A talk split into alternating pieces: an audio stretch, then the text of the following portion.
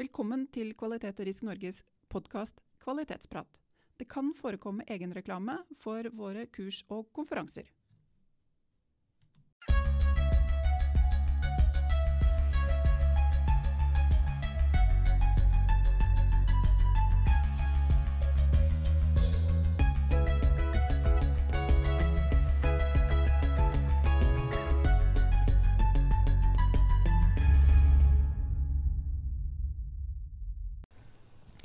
Kjære alle sammen, velkommen tilbake til podkasten Kvalitetsprat. Her i studio i Sandvika i, hos Kvalitet og Norge sitter Sissel Storås og Siri Mathisen. Vi skal ha en eh, ny fagprat. Vi skal snakke om avvik og andre unntak. Ja, Og avvik det er jo litt sånn vondt og vanskelig. det er det. Um, jeg underviser jo i dette faget med kvalitetsledelse, og avvik er ofte et eh, tema som vi bruker litt tid å diskutere. Og det er jo vondt med det der avviksgreiene, for ofte så føler man at man skriver avvik på personer. Skal jeg skrive avvik hvis jeg har gjort feil, så har jeg på en måte sladret på at jeg har gjort feil. Men Eller da- sladre på andre. Liksom være en sånn Ja, eh, det er enda verre. enda verre. Herregud, skal jeg skrive at du gjorde feil? Det er jo litt sånn, jeg kan ikke gjøre det. Altså, det er jo ikke egentlig det det dreier seg om, og det er jo ofte personer involvert, det er jo det. Mm.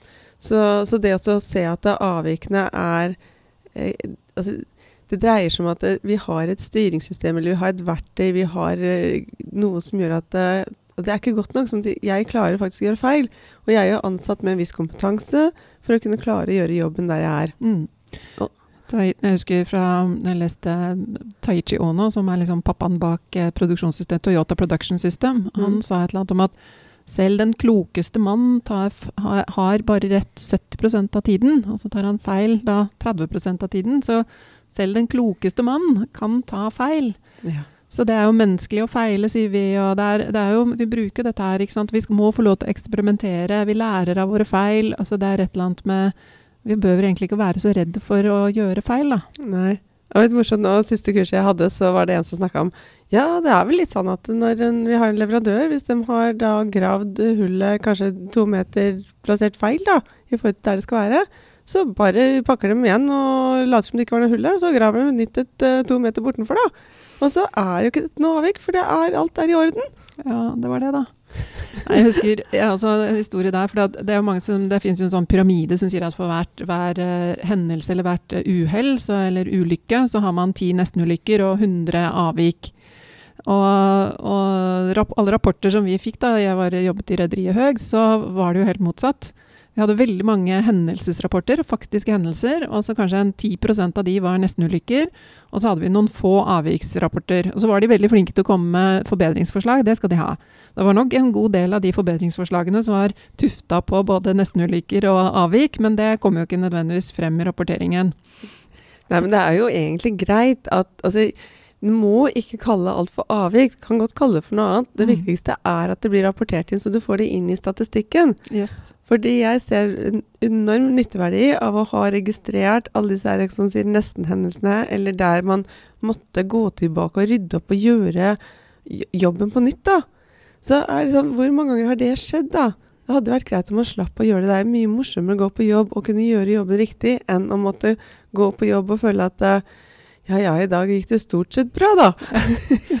Ja, nei, fordi det som, uh, Vi klarte jo å snu den trenden, i hvert fall en viss grad. Da, fordi at jeg begynte å snakke om nestenulykker som uh, helt fantastiske hendelser. Mm. Det var, jo, det, det var jo helt Det var så bra, fordi vi hadde ingen konsekvens, men full læringseffekt.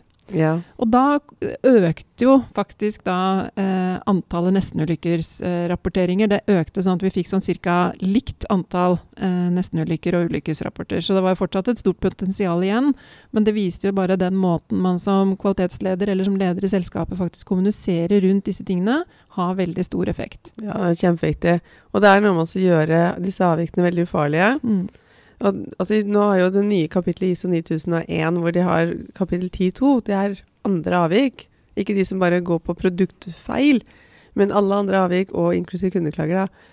Og tenker jeg Det er jo en fantastisk mulighet for å få opp den der statistikken for rapporten. For dette tenker jeg er på en måte motoren, kjernen i det med kontinuerlig forbedringsarbeid. Yes. Jeg leste en gang, og jeg syns det er egentlig en ganske bra beskrivelse. fordi en, man, Hvis man tar et menneske, da, og, og hvis det mennesket faktisk eh, gjør et, eh, et, avvik, eller man gjør noe feil, mm. så er det ofte Enten så er det fordi man ikke vet. Man kjenner ikke regelen. Man vet ikke at her er det en måte å gjøre det på, eller her er det et krav til hvordan ting skal gjøres. Mm. Så man har altså mangel på kunnskap. Ja. Eller man eh, kan det ikke. Du, vet ikke du, du, du, har ikke ferdigheter. Du, kan ikke gjøre det på riktig måte. Altså man mangler en eller annen form for ferdighet. Og den siste er jo kanskje den som er litt sånn kulturelt litt trøblete. Det er hvis man ikke vil. Mm. Man vil ikke gjøre det sånn. Jeg vil gjøre det på min måte. Jeg vil ikke følge oppskriften. Jeg har ikke jeg, tro på oppskriften. Jeg har ikke tro på oppskriften. Jeg, vil, jeg, bryr meg ikke om den oppskriften fra Ikea, hvordan man skal montere dette Ikea-skapet. Jeg gjør det på min måte. Tøffe gutter følger ikke bruksanvisninger. Prosjektledere hater alt som heter bruksanvisninger. Altså den type regler. ikke sant? Jeg vil ikke. Mm. Og det er et kulturelt problem. Det er et holdningsproblem. Mm. Kunnskap, ferdigheter, holdning, de tre til sammen er kompetanse. Vi snakker her om læring. Mm. Sånn at uh, uansett hvordan du snur og vender på det, så blir det en læringseffekt. Og derfor det uh, tittelen på i dag var ikke bare avvik, men andre unntak.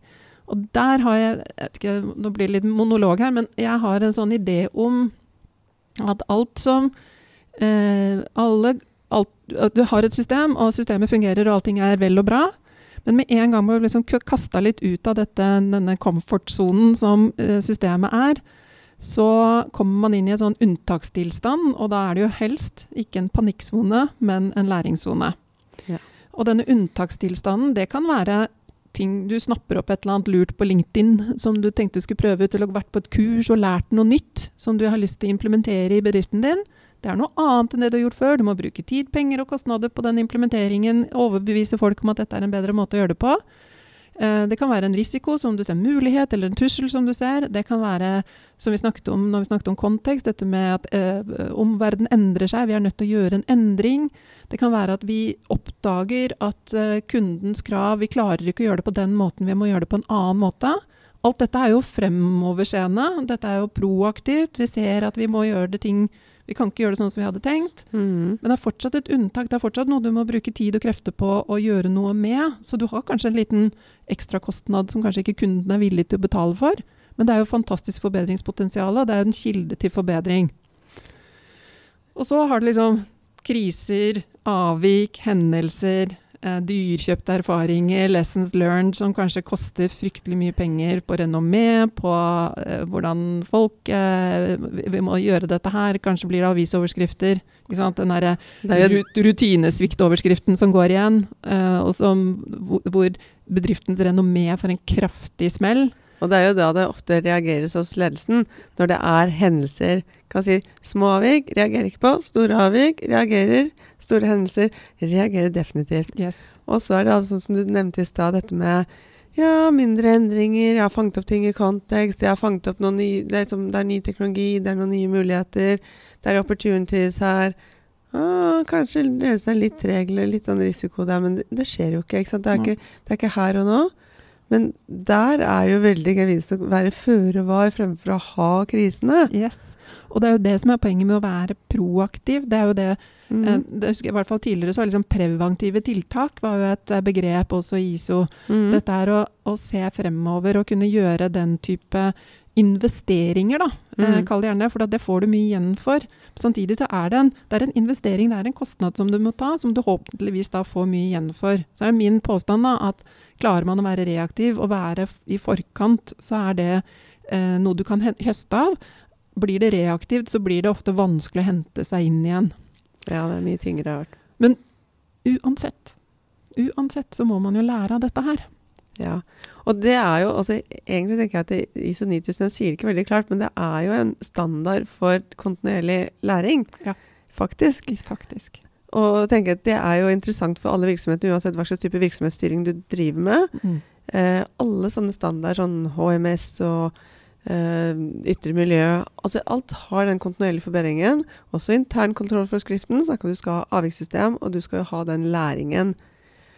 Og tenk så fantastisk vi kan lære uten at vi må ha de store hendelsene. Mm. Jeg ønsker meg jo egentlig da, at hvis flere kunne tenkt seg å se denne, disse unntakene, som jeg kaller det, da, eller exceptions på engelsk Man klarer å se det som ett system og én prosess. Fordi mange jobber med risikostyring. Ja. Og så har man, Det er jo sannsynlighet og konsekvens. Og da har man en konsekvensmatrise som man forholder seg til. Og så har man kanskje endringsstyring, og hvis man er god på endringsstyring, så har man jo der også, skal man jo vurdere konsekvensen av endringen, og hva det vil si for både folkene og systemet, organisasjonen osv. Eh, og så har man eh, avvik. Non-conformities de skal jo også se på hva er konsekvensen av et avvik. Eh, så har man en avviksmatrise der. Og så på hendelse- og HMS-siden så har man kanskje en eh, kvalitetskost eller en HMS-matrise eh, eller en eller annen form for konsekvensmatrise der. Mm.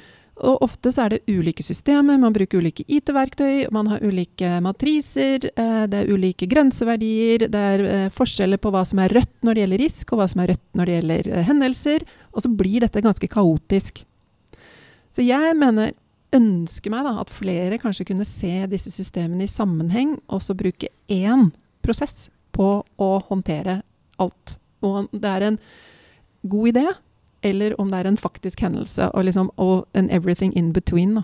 Ja. ja, men det syns jeg jeg har veldig sansen for. Jeg liker enkelhet i systemene.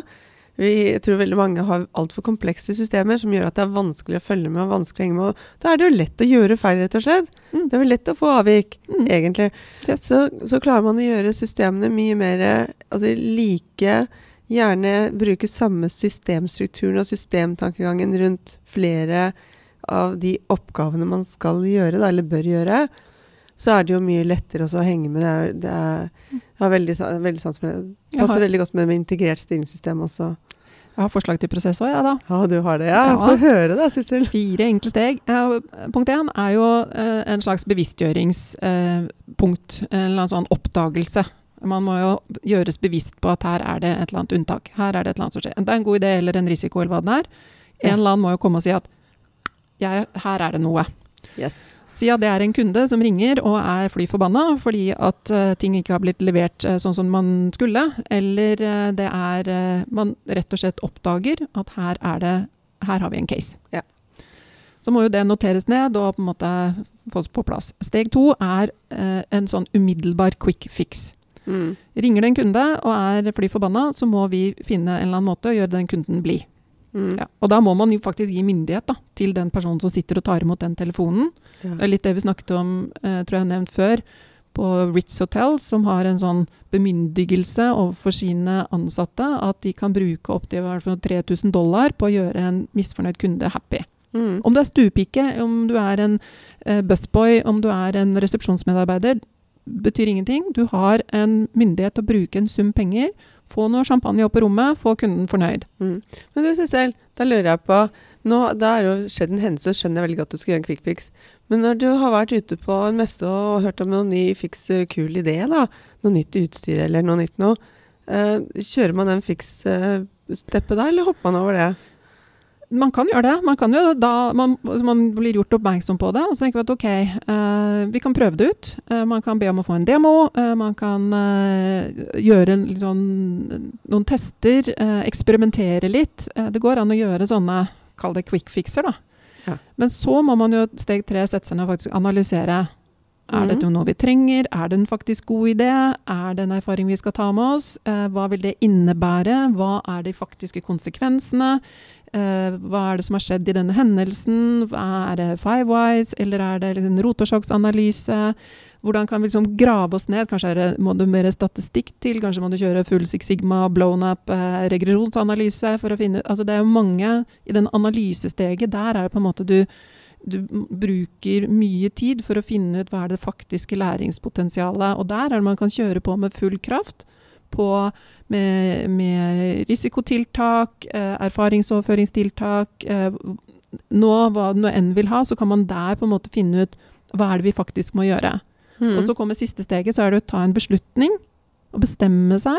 OK, nå går vi inn og retter opp prosessen, for det var kanskje det første loop. Det er et eller annet i prosessen vi kan fikse. Eller andre loop, det er noe med hele systemet vårt. Det er et eller annet som bare svikter systemisk, som vi må ta tak i. Er det kanskje noe i kulturen, kompetanse? Er det verdiene våre som må vi gjøre noe med? Er det et IT-system? Så er det liksom ikke bare i prosessen, men ikke bare fikse prosedyren, men prosessen. Ja, så det er egentlig en beslutning på tiltak du snakker om da, som er et varig tiltak som Et korrektivt tiltak som fjerner rotårsak, og som sørger for at vi ikke bør gjøre, den feilen på nytt. mm. Hvis det er en feil. Eller at vi faktisk endrer systemet, eller strategien vår, tredje loop, som Mm. gjør at vi faktisk eh, permanent har funnet en bedre løsning. Mm. Sånn at systemet vårt har fått en løft, systemet vårt har blitt bedre. Vi kommer tilbake i komfortsonen og har det mye, mye bedre frem til neste unntak, neste avvik, neste risiko, neste mulighet til å kunne gå ut i læringssonen og gjennom, komme gjennom den læringssonen inn i en vekstsone, sånn at vi på en måte hele tiden får til denne kontinuerlige forbedringen. Så det jeg hører, er at du er ganske litt sånn rund i Altså du, noen, du setter jo på noen ord, men det betyr ikke at man er helt begrenset, sånn, som sier at eh, det kan være ting som er no, noen nye ideer du får fra en eller annen konferanse du er på, eller du ser noe på TV eller noe sånt noe, til det være avvik. Sånn at det, her må man bare passe på å ha litt sånn åpen mindset innenfor de forskjellige boksene. Altså at når du er i de forskjellige er jeg og avvik, så er det én måte jeg agerer på. Er det noen nye ideer, som er litt annerledes, men det er likevel samme prosessen. Yes, det er nettopp det. Så dette er jo veldig for de som er veldig gode på å se likheter.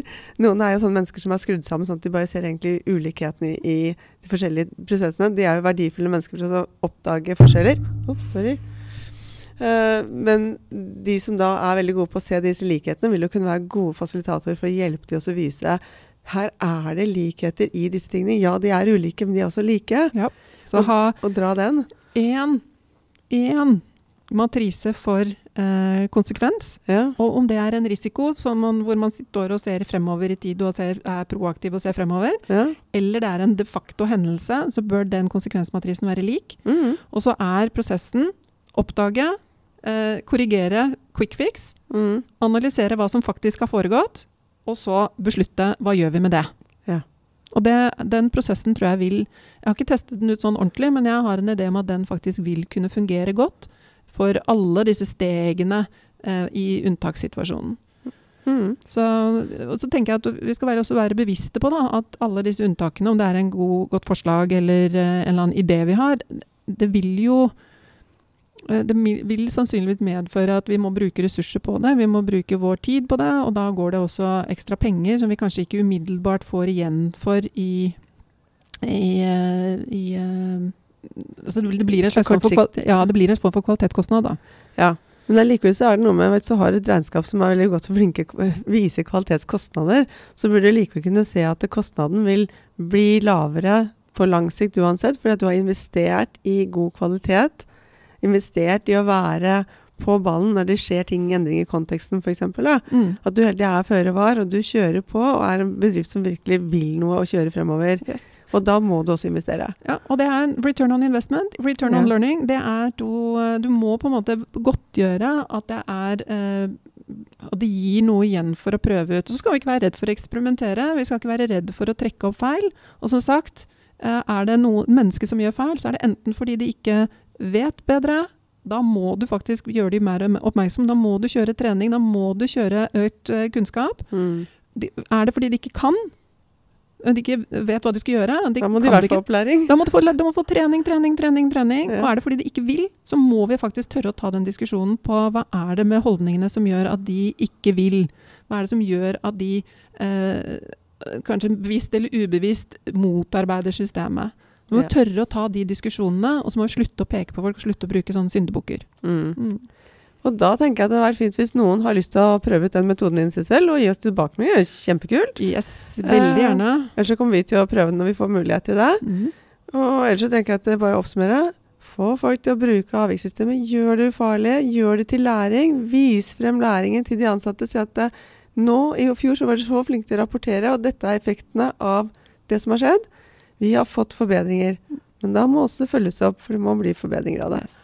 Ja, men du, kjempebra oppsummering. Nå har vi nesten 19 minutter lang podkast. Den var litt lengre enn vi Ja, vi pleier å være et sted mellom 15 og 20 minutter.